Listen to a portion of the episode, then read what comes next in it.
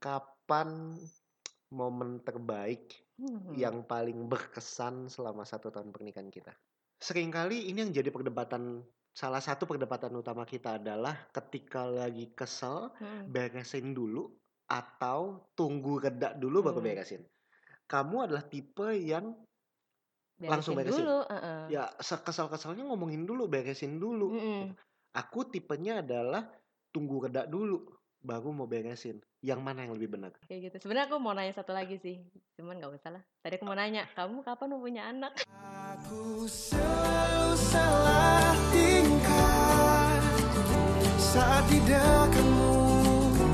Kamu tetap yang terindah.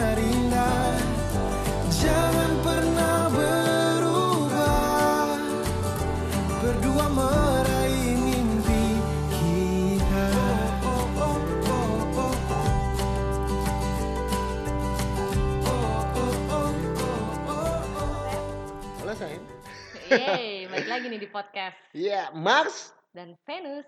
Kita sudah di episode kelima dan episode kelima ini kita dedikasikan untuk Anniversary kita yang pertama. pertama. Jadi ini episode yang spesial banget ya buat kita ya. Tiga minggu vakum dan kita kembali lagi dengan sebuah episode untuk membicarakan eh, satu tahun pernikahan kita Iya, ini satu seperti apa sih? kehidupan pernikahan kita ya. Terus kalau diingat-ingat ya Beb, episode-episode kita sebelumnya lebih banyak ngomongin soal pacaran. Ya nggak sih? Mm-mm, mm-mm. PDKT, jodoh, Iya. terus eh, apa? Orang Orang tua, tua. terus persiapan pernikahan. Kita belum pernah ngobrolin soal pernikahan itu sendiri. Iya. Ya kan? Dan di episode kali ini kita mau lebih banyak ngobrolin justru di fase early stage of marriage ya. Iya, betul Karena sekali. kita baru satu tahun menikah. Betul. Jadi ini konsepnya akan seperti apa nih Beb hari ini? Eh, konsepnya kita akan bertanya satu sama lain. Nih, Oh. kita masing-masing udah siapin tiga pertanyaan. Oke. Yang masing-masing dari kita nggak tahu nih. Aku nggak tahu kamu mau nanya apa, kamu Mm-mm. nggak tahu aku mau nanya apa. Siap-siap yang ya. akan kita tanyakan bergantian. gitu. Iya. Nih aku agak ngeri-ngeri sedap sih sebenarnya sih. Gampang kok pertanyaan aku. ya jadi semoga pertanyaan ini uh, bisa membuat ini sebenarnya agak ngeri sih aku agak agak apa ya Hmm. agak deg-degan sebenarnya di episode ini Kenapa? karena sebenarnya kita sedang ngobrolin hmm, apa ya kehidupan pernikahan kita Beb Iya, Iya mau nggak sih? dibuka nih ke orang-orang. dibuka semuanya ya jadi satu tahun belakang kita ngapain tapi eh, yang aku eh, happy adalah kamu mau ini kan ide aku ya untuk Iya. punya pertanyaan-pertanyaan satu tahun kehidupan pernikahan kita seperti apa aku happy kamu mau ngobrolin ini artinya kita nggak cuma sekedar ngomongin eh, apa yang baik tapi justru kita mungkin kali ini akan lebih banyak Hmm. ngomongin hal-hal yang jadi eh slack-slacknya kita Iya, ini ya kita. struggle-nya kita satu tahun belakangan ya kita menjadi vulnerable kita Mm-mm. jadi rentan satu sama lain dan Mm-mm. hopefully di episode kali ini kita bukannya mau membuka semua kekurangan kita Mm-mm. tapi justru kita mau kasih lihat di dalam kehidupan pernikahan Hmm. walaupun katanya gini beb soalnya satu tahun itu masa honeymoon Hmm, gitu ya? iya karena tahu satu juga. tahun pernikahan itu mah masih happy happynya ya happy sih happy banget malah Mm. tapi yang orang lain lupa justru di satu tahun pertama tuh adaptasinya yang gila-gilaan Iya bener. walaupun happy kayak ya akhirnya gue punya pasangan yang gue bisa tidur bareng nih eh, dulu nggak bisa mungkin itu happy gitu ya kayak kita bisa menikmati kehidupan berdua sehari-hari Mm-mm. tapi banyak juga ternyata struggle-struggle yang kita lalu- laluin bersama ya Iya betul. Kalau aku pernah dengar gini, biasanya eh, umur pernikahan di bawah 2 tahun itu Mm-mm. eh, yang paling banyak cekcoknya nih. oh ya Iya, malah aku yang aku denger kayak gitu. oke oke oke Jadi karena ya nggak tahu deh ya kita begitu nggak nih nanti kita akan ceritakan. Karena mungkin ya itu biasanya nggak serumah jadi serumah. Mm-mm. Biasanya punya budaya masing-masing di keluarganya masing-masing. Tiba-tiba harus berdua dan jadi lebih kelihatan sehari-harinya gimana. Jadi potensi ributnya akan lebih besar. Ah, oke oke. Gitu. Ini sedikit berbeda ya. Yang aku Mm-mm, dengar mm-mm. eh, tahun-tahun pertama, tahun-tahun awal pernikahan adalah honeymoon, masa-masa honeymoon. Tapi yang kamu dengar justru tahun-tahun awal pernikahan tuh lebih banyak cekcok dan ad- adaptasinya ya. Iya. Oke, let's see apa yang Oke. kita mau tanyakan masing-masing. Mm-mm. Deg-degannya Ya, aku. kamu dulu yang nanya. Nah, dulu sebelum pertanyaan Beb, aku mau ini dong gambarin dong pernikahan kita setahun ini di mata kamu seperti apa sih? Ini udah masuk Belum belum belum belum. Oh, Kita cerita belum. aja setahun ini. Oh, padahal aku ada eh, pertanyaan itu loh. oh ya? Oh, enggak lah. Ini secara common aja, Iya, secara iya. umum apa yang kamu rasakan sepanjang pernikahan? Yang ku rasakan sih pastinya happy. Mm-mm. em, overall sih happy meskipun dalam kesehariannya banyak kesel-keselnya juga gitu. Wow. Cuman yang aku rasakan adalah aku nggak salah pilih pasangan Yes. gitu. Itu sih kalau aku. Oke. Kalau Kenapa? kamu? Nah, dulu dong. Oh, ya kenapa? Kenapa? Kenapa kamu nggak sa- nggak salah pilih pasangan? Karena eh, segala masalah yang kita hadapin emang masih kecil-kecil sih. Hmm. Cuman itu bisa diselesaikan dengan baik. Kamu orang yang mau belajar, mau Hmm. minta maaf, mau mau merubah diri. Hmm. Jadi eh, buat aku kriteria itu yang paling penting dan aku nggak salah pilih kamu Hmm. gitu. Oke. Dan oh ya satu lagi kamu juga tipe orang yang ternyata memprioritaskan keluarga. gitu. Meskipun dulunya kamu bengal suka pulang Bengal. malam. bengal apa itu? Ya maksudnya eh buk- aku dulu ngeliat kamu waktu masih pacaran kamu bukan tipe family man banget sih. Hmm. Karena buat karena aku ngeliat kamu jarang ada di rumah, tapi Hmm. sejak nikah aku ngeliat prioritas kamu udah berubah. Meskipun aku nggak maksa kamu untuk hal itu sih. Hmm. Cuman kamu punya kesadaran bahwa sekarang kamu punya keluarga sendiri yang kamu bertanggung jawab atasnya. Jadi kamu nggak terlalu banyak menghabiskan waktu di luar. Kamu usahain untuk makan malam bareng aku, Hmm. Usahain untuk punya waktu ngobrol bareng sama aku meskipun kamu capek. Hmm. Dan eh, kalau Sabtu Minggu kamu sediain juga waktu buat aku. Jadi ya eh, buat aku itu sih yang bikin aku nggak nyesel pilih pasangan karena kamu mencintai keluarga kamu. Wede. Meleleh aku. Allah. Tapi benar sih, Beb. Uh, aku Eh. ngerasa banget waktu sebelum menikah, mungkin bukan fokus uh, atau bukan tidak memprioritaskan keluarga aku yang sebelumnya Mhm. ya, tapi justru aku menikmati masa muda aku. Aku punya banyak Hmm. teman, aku kerjaan Hmm. bagus. uh, jadi di masa-masa sebelum menikah sama kamu, aku justru menikmati masa Iya. singleness aku sebenarnya. Hmm. Pulang masih bisa malam, Mm-mm. walaupun keluarga di rumah juga nanyain sih lo kok pulang malam mulu. Tapi actually aku apa ya tetap sayang sama mereka. Hmm. Aku uh, ada kasih waktu buat mereka, tapi karena aku tipe yang sangat sosial, kehidupan Mm-mm. sosialnya sangat tinggi, aku lebih memilih uh, pulang kerja kadang-kadang kumpul Hmm. sama teman. Tapi semenjak menikah, entah kenapa it's totally different gitu. Hmm. Eh, kumpul sama teman bukan lagi jadi prioritas aku gitu dan itu berasa banget sih perubahan-perubahan yang kayak gitu sih buat aku berasa Hmm. banget. Itu perubahan otomatis atau yang kamu usahakan sih? Dua-duanya sih. Artinya gini, eh, pemikirannya otomatis kayak lo Oh. gue gue udah punya bini nih di rumah, gue udah udah harus ada yang nungguin. Hmm. Ibaratnya kalau di rumah eh, atau keluarga aku yang lama makan malam ya barengan maksudku ada mama aku, ada cici aku, ada apa suaminya, mereka bisa makan malam bersama gitu. Tapi kalau kamu di rumah misalnya makan malam kalau nggak ada aku ya kamu makan malam sendiri dan buat aku itu yang Sedih amat. ngerasa ini sedih banget sih gitu. Hmm. Jadi itu otomatis dan akhirnya aku berusaha untuk eh, membuat semua jadwal aku sebisa mungkin kosong kalau nggak ada meeting itu di malam hari. Jadi emang pulang kerja langsung pulang. Kalau emang nggak urgent-urgent banget meeting di jam pulang kerja, aku akan milih untuk meeting di hari Sabtu Mm-mm. misalnya. Itu yang kerasa banget sih Dep. Hmm. Oke. Gitu. Kalau kamu sendiri gimana nih? Apa yang kamu apa tadi g- gambaran tentang Gambaran Mm. pernikahannya Sem- selama satu tahun ini ya. This is the best year of my life. Wah. ya aku ngerasa sih satu tahun ini ya walaupun nggak nggak sempurna tapi still it's the best year of my life. Hmm. Ngerasa beda banget. Hmm, ngerasa ada yang perhatiin. Ngerasa cekcoknya itu kayak ya emang harus dihadapin gitu.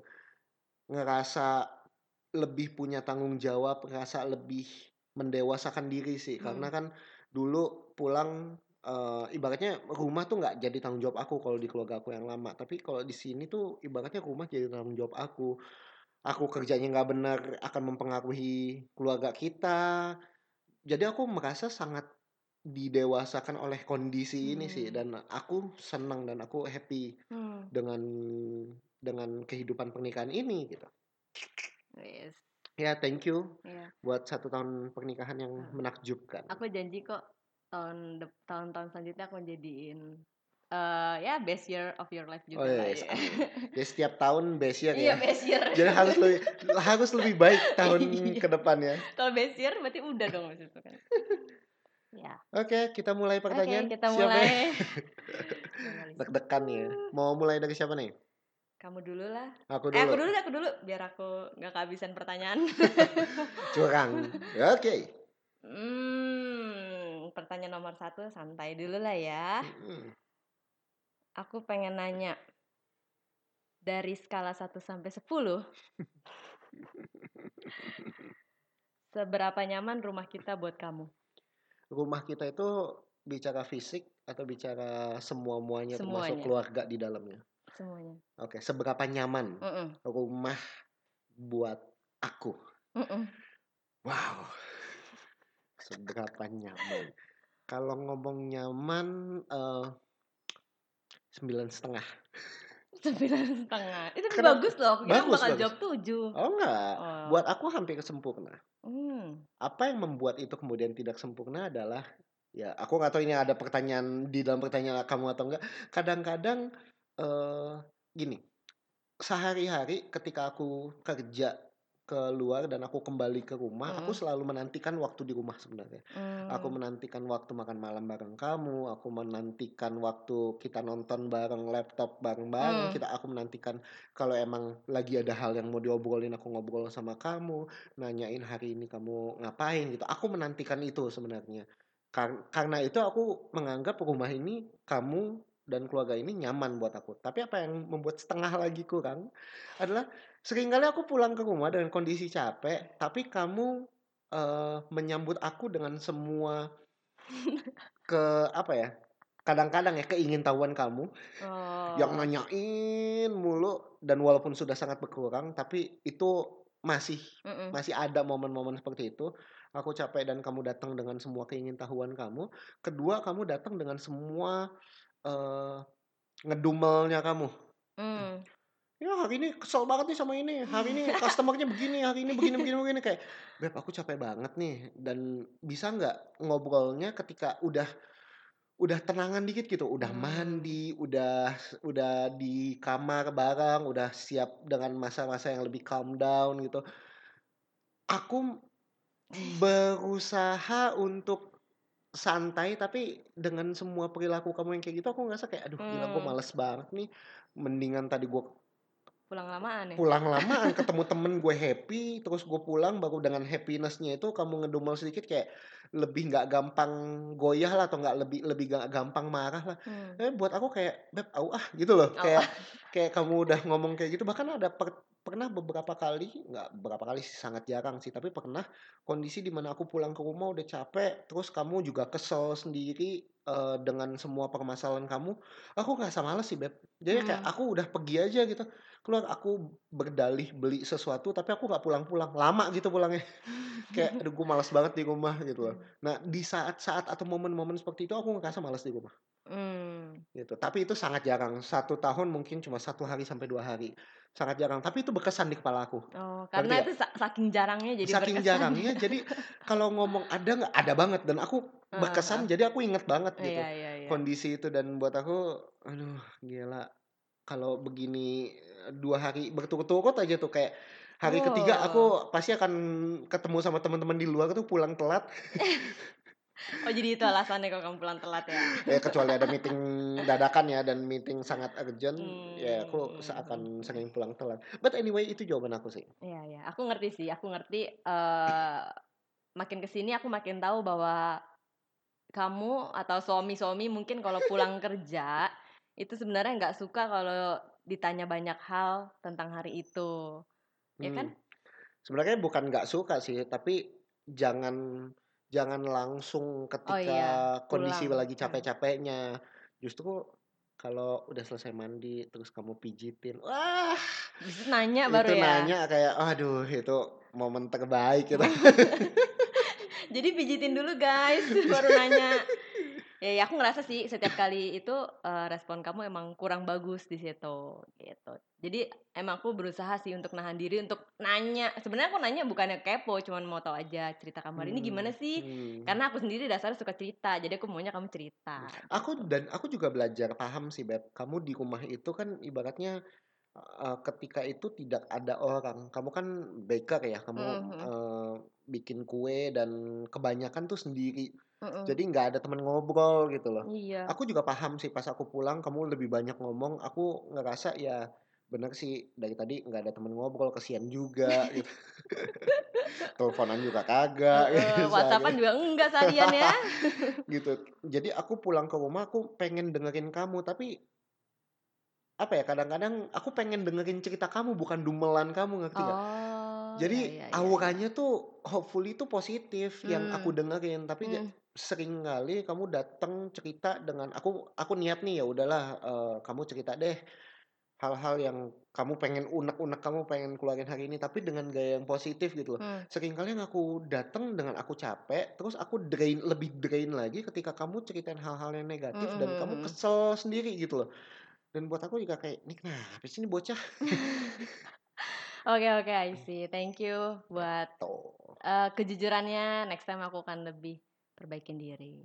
Gitu. Kamu nanya Aku ini pertanyaan pertama dari kamu. pertanyaan pertama juga masih gampang lah ya. Kapan momen terbaik Hmm. yang paling berkesan selama satu tahun pernikahan kita? Aduh, ada aku juga ada pertanyaan itu Yeay. diambil. Aduh, harus aku tanya duluan tuh. Kapan momen terbaik? eh waduh banyak sih. Cuman yang yang ngomongin terbaik itu agak susah. Coba yang di kepala kamu aja.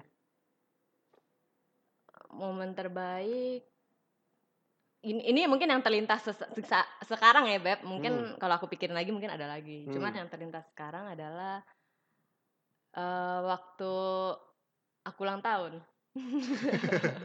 Kenapa tuh kamu ulang tahun? Karena di situ kamu Aku bahkan lupa sih. cuti bukan cuti sih maksudnya kan kamu suka kerja pun di hari-hari libur pun suka kerja kan entah Sabtu Minggu cuman aku lupa sih itu waktu itu aku ulang tahun hari apa cuman ingat aku kamu Itu pun tapi hari kerja ya. iya kamu pun harus ada pekerjaan harus ada meeting Hmm. tapi kamu eh, atur waktu supaya nggak ada meeting di situ kamu ambil tugas yang bisa kamu kerjain di di tempat lain atau di rumah yaitu Hmm. karena hari ulang tahun aku aku inget hari ulang tahun kita eh hari ulang tahun aku kita ke Bogor nginep Ah, ya, nginep ya, ya. nginep dua hari semalam doang sih Hmm. cuman itu jadi momen yang berkesan Oh. ya maksudnya bener-bener di situ meskipun emang ada kesel-keselnya pas kita pergi kan. Cuman Hmm. ada di perjalanan itu ada masa keselnya. Cuman buat aku pas nyampe di situ kamu memperlakukan aku dengan sangat baik. Kamu turutin semua mau aku Beb mau apa mau kue apa mau mau minum ini nggak mau minum itu nggak gitu kayak wah kayak like a princess gitu Jarang ya. Iya, Kan terus setahun kamu itu ya jarang. maksudnya kayak kita bener-bener lupain kerjaan nonton Hmm. film seharian di hotel atau enggak main game seharian di hotel kan ngobrol-ngobrol terus ya ya sayang-sayangan gitu Ngapain aja sayang-sayangan.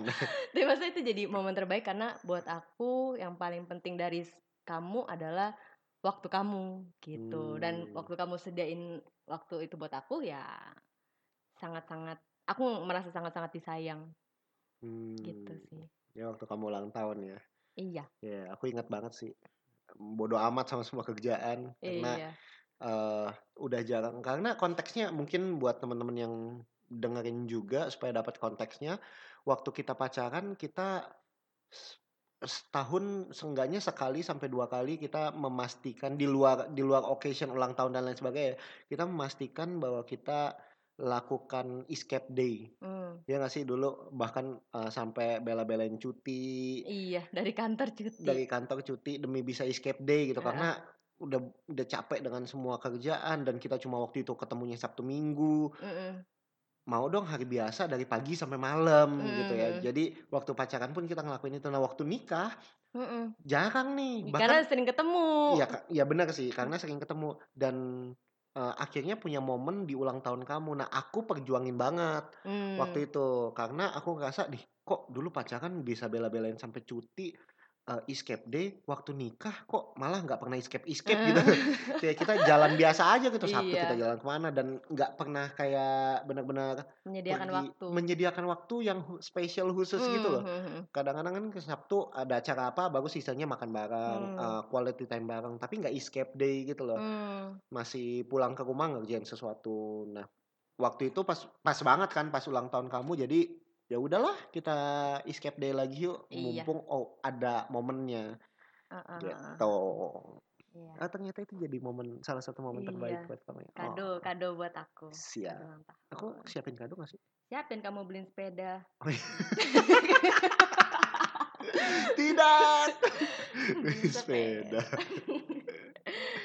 Oke. Oke, lanjut ya aku ya? Lanjut, Beb. Eee hal atau kejadian apa yang paling bikin kamu marah selama 1 tahun ini? Atau kesel atau kecewa? Aku menantikan pertanyaan ini. Mau ngomong dia. Aduh. Eee, sejujurnya aku tahu sih kamu akan menanyakan hal ini. Oh iya loh. Aduh, eee, apa ya, aku kepikiran 2 hal sih, Beb. Mmm. Tadi aku mikirin banget nih sebenarnya kalau ada pertanyaan yang Wah, kayak kayaknya tadi. kamu udah siapin nih mau mau Tapi menyerang. cuma ini sih, cuma cu enggak bukan nyerang sih, tapi justru aku sedang mempersiapkan, ini kayaknya Teca bakal nanyain ini nih. Mmm. Gitu, dan 2 hal, Beb. Apa? Hal pertama adalah ketika kamu tidak, eee, apa bilangnya, ketika kamu nggak tahu prioritas. Itu buat aku, aku kesel banget. Contoh? Contoh. Eee misalnya kita udah harus jalan, terus kamu, eee, apa, pegang handphone balesin sana sini, yang menurut aku, Beb, waktunya kita sudah sangat mepet, kamu masih harus dandan, kami masa kamu masih harus ini, kamu masih harus itu, kita masih harus beresin rumah sedikit, habis itu jalan. Beb, bisa nggak di jalan aja kamu baru balesin? Dan Mmm. setiap kali ka kamu kali kamu balesin dan itu takes a long time, Beb, tanpa kamu sadar. Gitu. Jadi buat aku kayak, "Beb, bisa nggak sih kamu dandan dulu, catok dulu, mandi dulu, bales nanti, ada waktunya, sambil lakukan sesuatu yang kamu bisa sambil," gitu loh. Maksudnya kamu di motor misalnya, eee, perjalanan kan kamu nggak ngapa-ngapain, kamu bisa sambil gitu loh. Mmm. Atau misalnya kalau lagi kamu udah selesai nungguin aku lagi pakaian misalnya, kamu bisa lakukan itu sambil gitu. Nggak kemudian kamu melakukan itu dulu di saat kamu punya tanggung jawab atau kamu punya keharusan untuk menyelesaikan sesuatu. Mmm. Kamu sering banget gitu. Nggak cuma Mmm. masalah handphone gitu. Dan dan banyak prioritas priorita prioritas lainnya yang menurut aku, kayak kamu bisa lakukan ini nanti atau sambil, tapi kamu justru kayak nggak tahu prioritas gitu. Mmm. Itu sih yang kebayang pertama di aku. Karena itu paling sering buat aku kesel hari hari Oh. demi harinya. Mmm. Gitu. Kayak pagi-pagi misalnya kamu harus buat jus, tapi kamu memilih untuk, eee, entar dulu nyatet sana sini nyatet sana sini, padahal aku udah harus jalan misalnya. Pagi-pagi kan kadang-kadang aku harus jalan kerja dan ya itu, nungguin kamu ke ke sana ke sini. Jadi aku nunggu aku kan memang punya kebiasaan kan, eee, sarapan jus dan aku nggak minta kamu masak pagi-pagi, aku cuma minta, "Tolong Beb, tolong bikinin jus dong."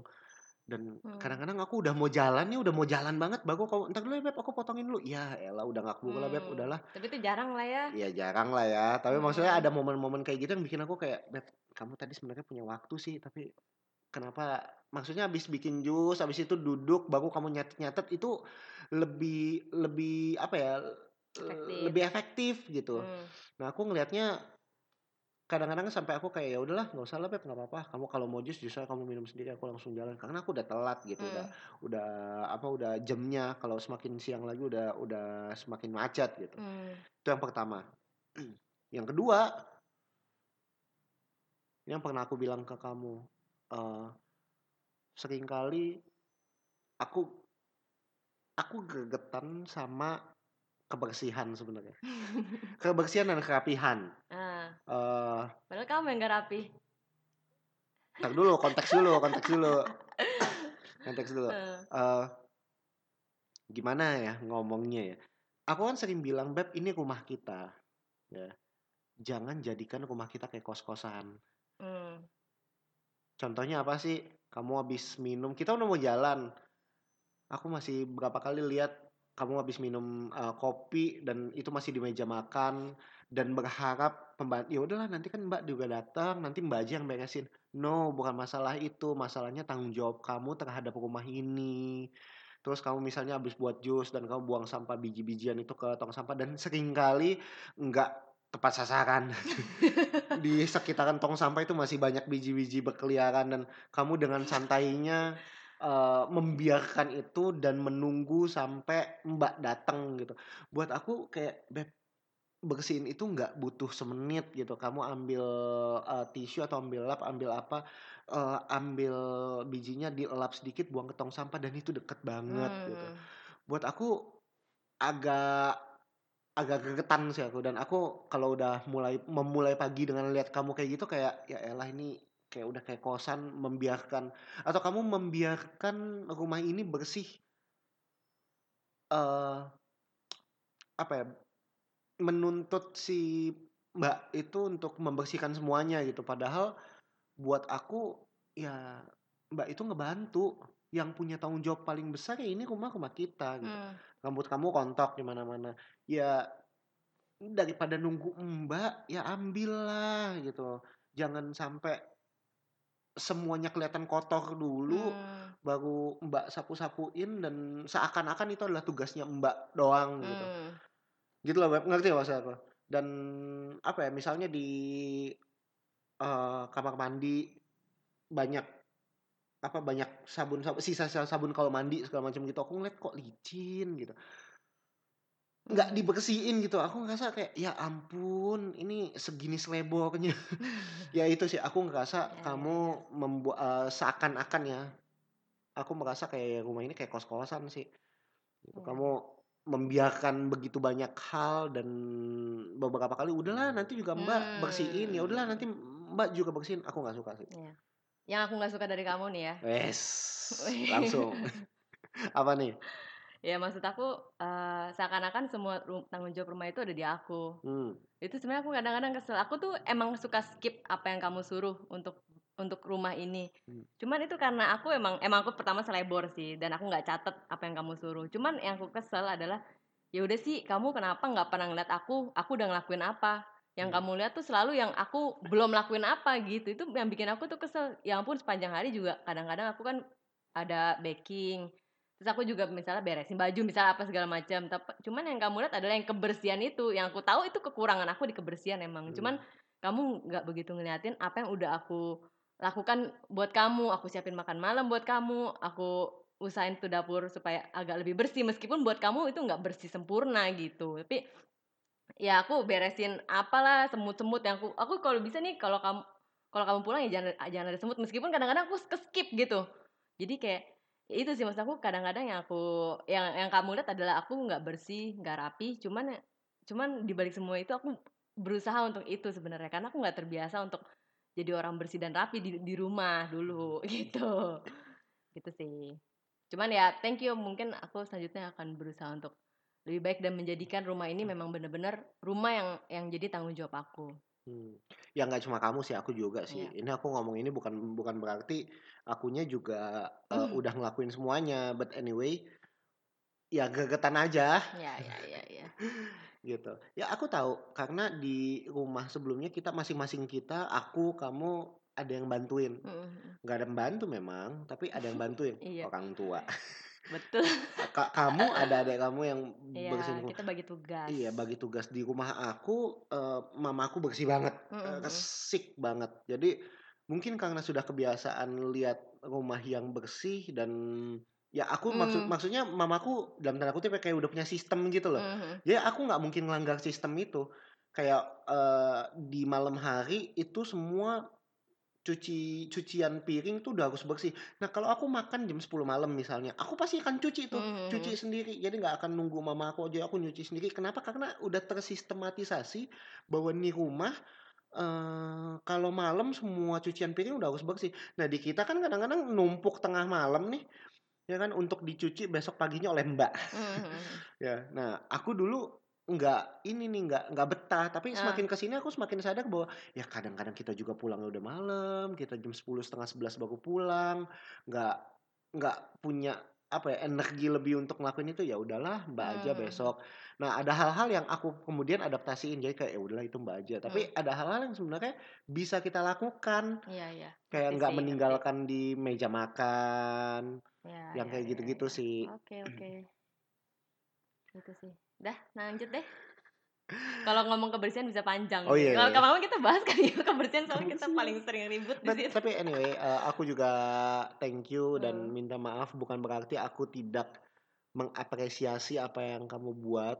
Ya, aku sangat mengapresiasi itu. Aku happy setiap kali pulang selalu ada makanan. Aku happy pulang, eee, lemari pakaian rapi, seenggaknya. Ya, tapi ya ampuni suamimu nggak yang sering kali fokus pada hal-hal yang, eee, kotor atau hal-hal yang kurang. Mmm. Maaf ya. Iya sayang, nggak apa-apa. Ya inilah guys, kehidupan rumah tangga, kebersihan, bisa Kebersihannya ribut. ribet tiap hari. Aduh, ya kamu nanya deh yang kedua. Oke, yang kedua momen tersulit dalam pernikahan kita Ya ampun, adalah apa ya? pada saat Pada saat kamu marah. Coba ceritain dong. Eee, karena waktu kamu marah itu kamu susah banget untuk dideketin, Mmm. susah banget buat cepet dingin. Mmm. Karena kalau aku orangnya kalau marah nih kamu ajak ajak ngobrol, bercanda, elus-elus, apalah gitu. Pokoknya bye-bye-in, aku Mmm. bye pasti. Mmm. Santai lagi. 5 menit paling. Lah kamu bisa berjam-jam, mungkin bisa seharian. Dan Mmm. aku tuh buat aku tuh momen tersulit di hidup aku adalah meluluhkan kemarahan kamu. Gitu. Karena Mmm. kamu kalau udah marah itu lebih ke arah diem, ketus, dan apa pun yang aku lakukan jadi kelihatannya salah. Jadi kayak gampang gitu, ah ah gitu-gitu lah. Kayaknya aduh jadi kayak, wah gue jadi serba salah nih, gue ngelakuin seg segala sesuatu jadi malah jadi ceroboh gitu Beb aku. Karena Mmm. kamu aku tuh kayak takut di lebih kamu lebih marah lagi gitu. Nah itu sih, momen ter momen tersulit bukan masalah finansial Iya. ataupun apa pun, cuma buat aku mengendalikan emosi seseorang itu yang sulit. Iya iya iya. Eee, gimana ya, aku sadar sih, aku tipe orang dari dulu gini, sering kali ini yang jadi perdebatan salah satu perdebatan utama kita adalah ketika lagi kesel, Mhm. beresin dulu atau tunggu reda dulu baru Mmm. beresin. Kamu adalah tipe yang langsung Beresin beresin? dulu, heeh. Ya sekesal-kesalnya ngomongin dulu, beresin dulu, gitu. Mhm. Aku tipenya adalah tunggu reda dulu, baru mau beresin. Yang mana yang lebih benar? Sebenarnya nggak ada, Beb. Mmm. Sebenarnya itu adalah preferensi. Buat aku ya, aku juga banyak belajar dari begitu banyak teman-teman aku yang sudah menikah, yang punya preferensi yang berbeda. Heeh. Yang mau langsung selesai atau yang diem dulu, tidur dulu, eee, terus besoknya atau pas udah tenang baru beresin. Ada yang kayak gitu dan buat aku the why-nya ya, kenapa aku ngelakuin kayak gitu, karena aku nggak mau nyakitin kamu, Beb. Karena momen di saat aku paling mudah menyakiti orang adalah ketika aku marah. Mmm. Aku bisa jadi, eee, ngomong nggak difilter, artinya benar-benar yang kayak semua yang dipikirin yang di pikiran aku yang nyelekit tentang kamu aku bisa sampein dan aku tahu kamu orangnya perasa banget dan aku nggak mau kamu nangis karena apa yang aku pikirin, karena itu bisa jadi cuma di pikiran aku gitu loh. Mmm. aku pengennya aku reda dulu untuk bisa ngomongin secara baik-baik sama kamu gitu. Dan Hmm. aku juga belajar banget nih di satu tahun ini mengerti bahwa ya kadang-kadang nggak bisa membiarkan kamu eh merasa ada yang ngeganjel gitu loh. Apalagi Hmm. kalau udah malam terus kita baru berantem malam, aku pengennya tidur, kamu pengennya selesai gitu. Aku Mm-mm. nggak nggak tega juga peng eh, kamu tidur di tengah-tengah keganjalan itu loh gitu loh. Aku juga nggak tega. Nah, aku lagi belajar sih, Beb, gitu. Hmm. Dan ya masalah akan selalu ada. Ya hopefully kita bisa adaptasi satu sama lain preferensi sih, Iya. gitu. Oke oke itu memang eh, salah satu masalah kita ya menghadapi emosi satu sama lain Mhm, mhm, mhm. gitu. Dan aku sadar sih, Beb, aku orangnya eh nggak slow to anger. Aku cepet cepet cepet mudah apa ya? Eh Ke-trigger. tersulut, Hmm. tertrigger gitu. Tapi aku tahu marahnya aku beralasan. Aku aku gini loh, aku tipe orang yang kalau kesel, kalau marah itu selalu punya alasan. Aku nggak mungkin tiba-tiba tersulut tanpa alasan buat aku. Dan biasanya aku tersulut itu, ini yang kamu kamu juga mungkin aku belum pernah cerita sama kamu. Hmm. Aku tersulut itu karena ketidakbenaran atau ketidakteraturan. Hmm. Ngerti gak? Aku tersulut karena tidak benar atau tidak teratur atau ceroboh ya kurang iya yang kayak iya. gitu-gitu lah. Kan kalau kita eh, flashback lagi, trigger aku mudah eh, atau atau emosi aku mudah tertrigger kan karena hal-hal itu. Mm. Ingat nggak waktu eh apa kakak asli Hilang eh bukan ketinggalan. Terus itu udah malam banget dan kita telepon ke tempat yang ketinggalan itu pun mereka nggak berhasil menemukan itu. Beb, aku ngerasa kayak Beb, Kakak dan akte. kakak dan akte itu asli. Dan aku ngerasa baru hari itu diambil, aku langsung kasih ke kamu, eh kamunya ketinggalan dan buat aku sih itu udah kayak Beb kamu iya ceroboh itu. ceroboh di duit yang 50 ribu, 100 ribu ketinggalan terus hilang gitu buat aku ya udahlah masih bisa dicari. Ini akte yang kamu kalau harus bikin lagi tuh ribetnya naujubillah gitu loh. Iya. heeh. Itu kamu kayaknya paling marah di situ. Wah, aku tuh itu ibaratnya kayak aku nggak bisa gampang maafin kamu sih. Apalagi kamu bilang, ya udah sih beb, ini kan juga bareng-bareng, nggak aku doang yang salah. Wah, aku langsung tersulut lagi tuh. Kamu ngomong kayak gitu, beb, aku udah kasih ke kamu loh. Maksudnya itu tanggung jawab di kamu. Hmm. Aku percayain eh, semua yang asli ini ke kamu. Terus kamu bilang itu bukan salah kamu. Wah, itu udah aku tuh melejit banget tuh. Aku udah nggak mau ngomong. Aku pokoknya ketemu dulu deh baru aku mau ngomong gitu. Kalau enggak aku bisa bisa marah besar gitu loh. Hmm, itu Dan kamu marah bisa sampai dua hari tuh. Iya, karena buat aku itu fatal sih, buat aku ya. Heeh. Karena ya aku hilang kepercayaan sih. Hmm. Saat itu ya, aku hilang kepercayaan Hmm. karena aku bukan mikirin aktanya sih, Beb. Aku bukan mikirin eh, apa eh, Dokumen. surat-surat ya Hmm. dokumen-dokumennya. Aku mikirin kalau itu hilang dan aku harus ngurusin itu lagi dengan semua keribetannya di waktu aku yang cukup struggle untuk cari waktu kosong gitu loh. Hmm. Buat aku kayak Beb, Hmm.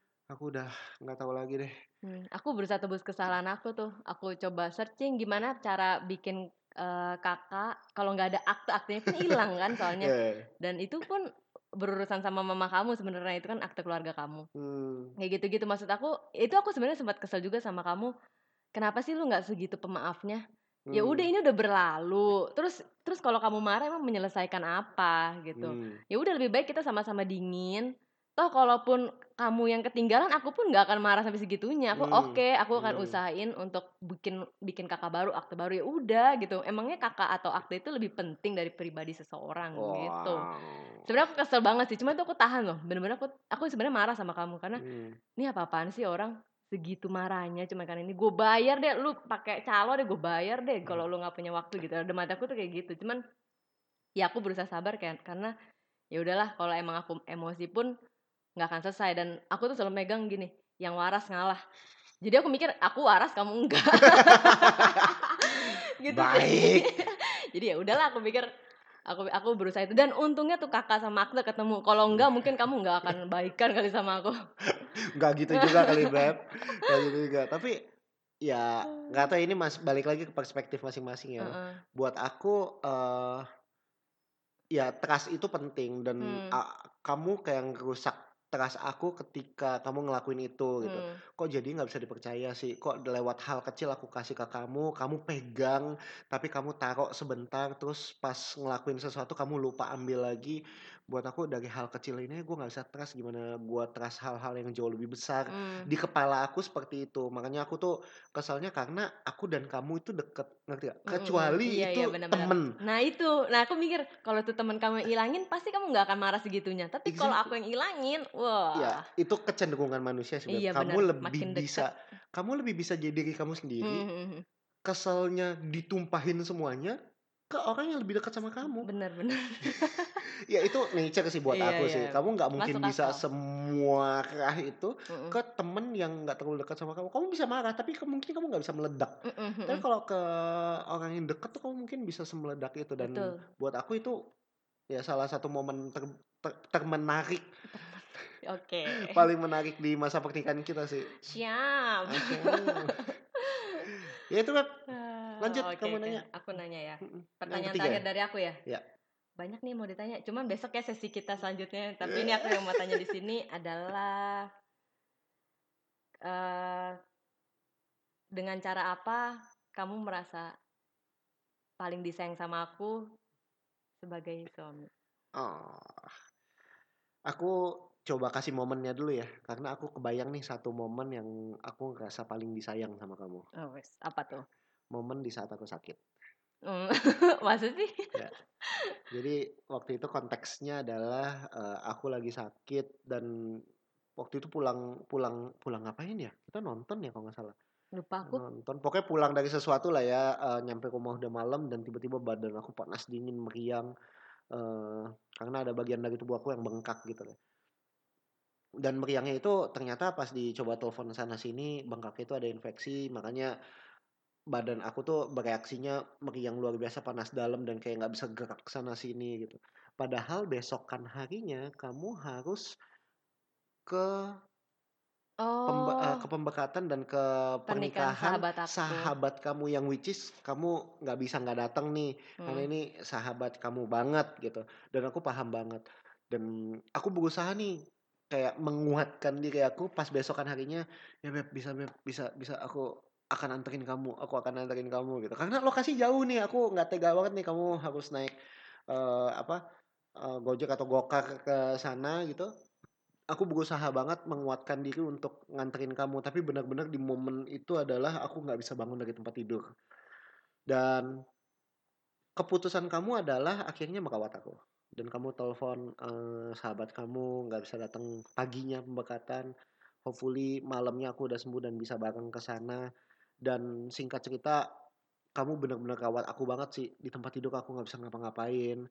Kamu kasih bawain aku minum kamu bawain aku makanan kamu suapin aku kamu kasih aku eh, snack supaya aku juga nggak kosong. Karena aku makan paling cuma sesuap dua suap gitu. Aku nggak nggak nggak nafsu makan. Terus kamu eh, lihat baju aku keringetan kamu lapin kamu gantiin baju kamu siapin baju buat aku itu momen yang aku ngerasa sangat ya aku nggak berharap itu sel- eh, apa sering Terulang. terjadi ya nggak amit-amit aku sakit Eh. kayak gitu lagi gitu hopefully enggak tapi buat aku aku ngerasa bahwa ada penolong dalam hidup aku tuh ya ketika itu Hmm. benar-benar dijaga aku nggak ngerasa sendirian bahkan kamu hampir nggak datang kan ke Mm-mm. nikahan temen kamu dan aku yang akhirnya insist bilang udah beb go jalan gitu Eh, aku masih bisa ngurusin diri aku sendiri Akhirnya aku gitu. jalan malamnya. Oke, kamu jalan malam juga nggak tenang kan? Resepsi ya. ke resepsi nggak tenang juga. Dan ya aku berusaha untuk menenangkan kamu. Ya aku udah sembuh. Dan kamu pergi pun kamu ngasih semua bekal itu loh. Kayak jangan lupa makan ya ini habis makan minum obat. Dan ingat gak waktu ternyata ada satu obat yang nggak ada kamu bela-belain beli Gomart. Padahal deket banget. Apotek di sini deket banget. Akhirnya Gomart dan eh, demi supaya aku istirahatnya tidak terganggu kamu suruh abang gojeknya lemparin. Hmm. supaya aku bisa ambil sendiri nggak keluar eh, ke apa ke depan rumah untuk ngambil dari abang gojeknya karena aku lemes banget. Buat aku hal-hal kecil banget yang kayak gitu sih yang kamu mikirin aku banget itu yang oh my god Oh. eh aku ngerasa paling disayang sih ketika itu Hmm, gitu. Aku baru tahu. Padahal aku melakukan itu ya selayaknya biasa gitu. selayaknya biasa Iya. Ya, buat aku itu sih dan kalau pada momen pada umumnya ya Hmm. aku ngerasa disayang adalah saat aku disupport Hmm. aku punya keputusan apa kamu support eh, atau aku lagi bingung ngelakuin apa kamu support aku untuk melakukan yang terbaik dari aku. Buat aku nggak ada momen yang paling aku merasa paling disayang selain bentuk support dari kamu sih. Hmm. aku pulang malam aku eh, misalnya aku harus ngajar dan aku harus nginep misalnya aku nggak tega gitu kadang-kadang lihat kamu nggak ada teman ngobrol di rumah tapi kamu kamu bis- bisa bilang mau ya udah beb nggak apa-apa eh, tapi besokannya langsung pulang ya maksudnya aku ngerasa disupport sih untuk boleh ngajar nginep eh, dan ninggalin kamu di rumah sementara gitu loh karena aku tuh orangnya nggak tegaan gitu loh Hmm. untuk ninggalin kamu terutama sendirian gitu.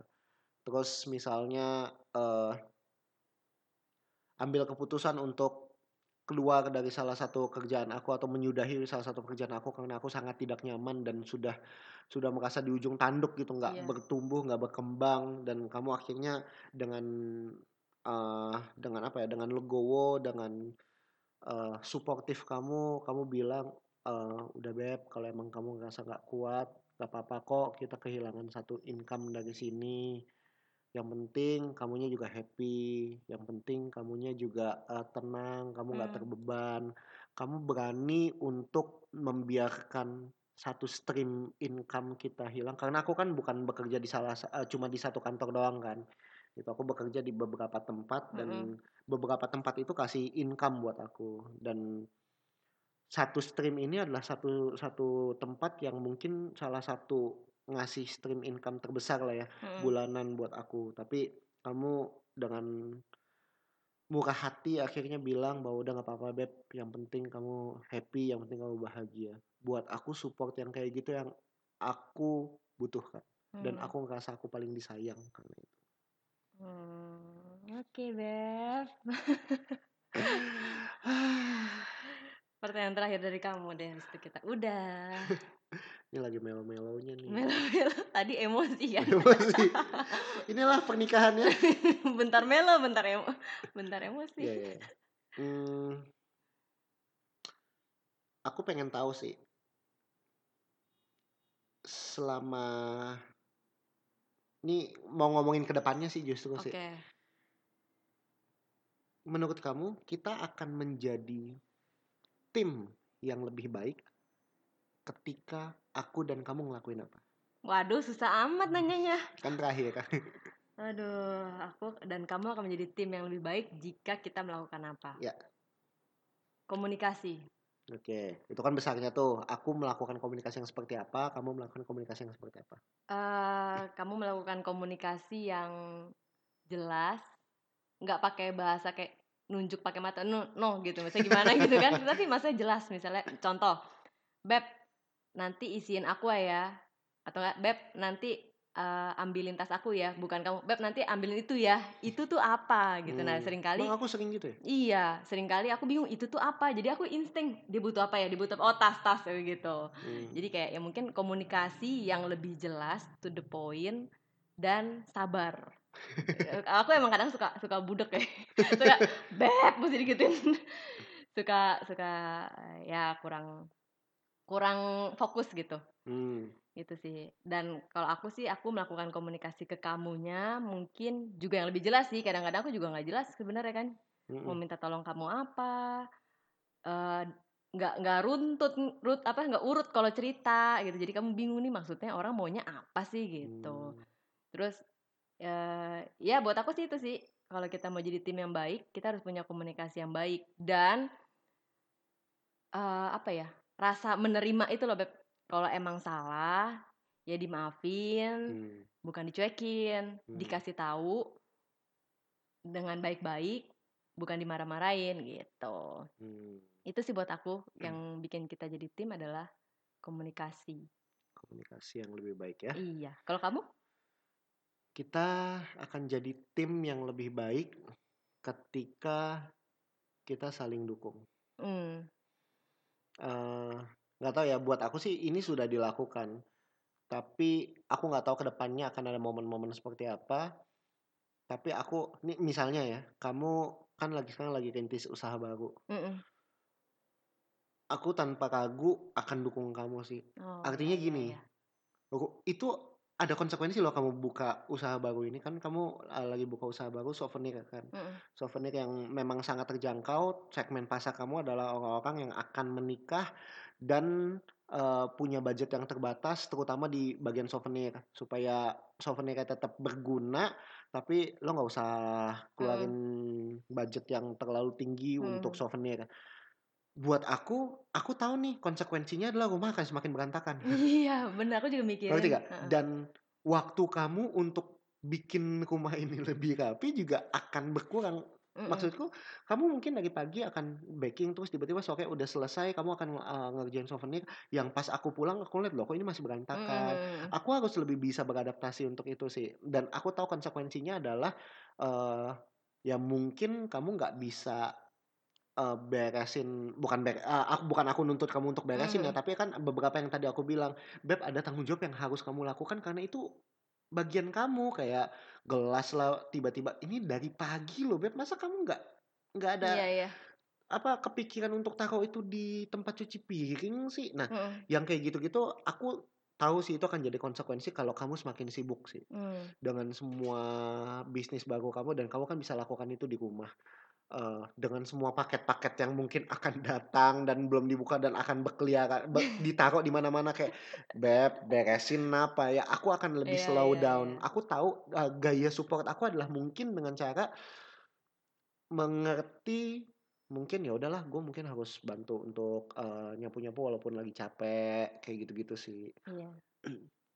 Support berarti ya? Support ya, Mhm dan aku juga nggak tahu kan nanti gaya kerja aku setahun ke depan tuh akan seperti apa, dengan Mhm. dengan jadwal aku, dengan meeting-meeting aku malam, ya aku juga berharap juga kamu support Iya, aku. benar benar, itu penting sih support.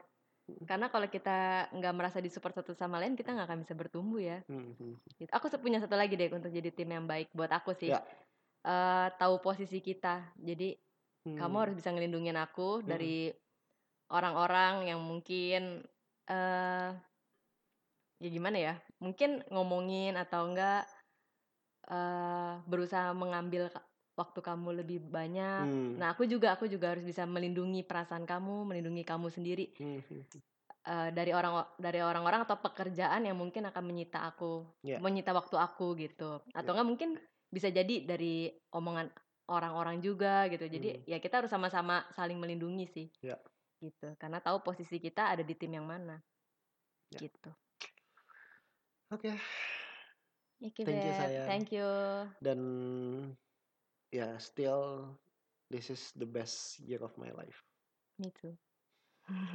Thank you buat 1 tahun pernikahan ini dan hopefully semua masa-masa 1 tahun ini ya menurut aku ya 1 tahun ini ya benar kata kamu sih. Tahun-tahun pertama dalam pernikahan tuh paling banyak adaptasinya. Iya. Jadi yang aku dengar salah justru. Mhm Yang mhm. aku dengar kan katanya 1 tahun itu justru masa-masa Happy. happy honeymoon. Happy nggak happy sih. Happy nggak sih? Happy Happy, happy, happy, tapi nggak berhenti sampai Tapi situ nggak gitu. happy kayak di dongeng-dongeng Iya, gitu. nggak happy yang kayak setiap hari gelendotan lihat, "Aduh, aduh, nggak ada yang jauh dari itu," gitu. Iya iya iya Jauh iya iya. dari setiap hari, eee, di meja makan ngobrolin Mhm. sesuatu, eee, yang apa yang kamu lakukan hari ini, mhm terus siang teleponan, ngomong I love you, Iya. terus malam pulang happy, terus pelukan, terus ngomongin hari ini ngapain aja. Buat aku nggak Enggak enggak segembira itu enggak. set Iya iya iya. setahun Iya, full benar gitu benar ya. benar. Iya, kayak gitu. Sebenarnya aku mau nanya satu lagi sih, cuman nggak usah lah. Tadi aku mau nanya, "Kamu kapan mau punya anak?" No, jangan tanya itu. Udah banyak yang nanya. Cuman entar dulu lah ya. Iya. Tapi kesepakatan lah ya ini ya. Ini untuk Mhm. memastikan nih kita sepakat ya. Sepakat sepakat. Sepakat untuk menunggu ya. Mhm mhm. Nunggu. Iya iya. Oke, Oke. itu aja Beb. Thank you Iya. very much udah mau terbuka. Thank you. Beb, eh beb untuk untuk keterbukaannya dan ketulusannya Yes. gitu. Oke, Happy anniversary. happy anniversary sayang. Dan buat pendengar, apa pun cerita kami, hopefully bisa dilihat eh, gambaran besarnya bagaimana pernikahan itu juga perlu effort Mm-mm. dan pernikahan itu nggak nggak semulus pacaran lah ya. Pacaran Hmm. mungkin walaupun banyak berantemnya juga mungkin pacaran, tapi sering kali pacaran tuh pengen ujungnya adalah pernikahan. Tanpa tahu ketika kita buka pintu namanya pintu pernikahan itu akan ada tantangan baru lagi yang nggak akan pernah kita bisa hadapin waktu pacaran. Betul. Ini tantangan baru di level yang baru, kita harus punya kedewasaan yang lebih lagi. Karena ak- aku sendiri pun ngerasain eh, kedewasaan yang aku pakai waktu pernikahan atau yang aku miliki waktu pacaran, kedewasaan yang sama nggak bisa menyelamatkan aku di pernikahan. Betul. Ya, kedewasaan aku di pacaran tidak bisa menyelamatkan aku di pernikahan. Aku harus bisa punya kedewasaan baru di fase pernikahan Hmm. supaya aku bisa menyelamatkan pernikahan aku. Hmm. Quotes of the day. Quotes of the day. Betul betul. Thank you. Thank Dan you. kita ketemu lagi di podcast selanjutnya ya. Iya betul. Bye. Bye. Aku selalu salah tingkah saat tidak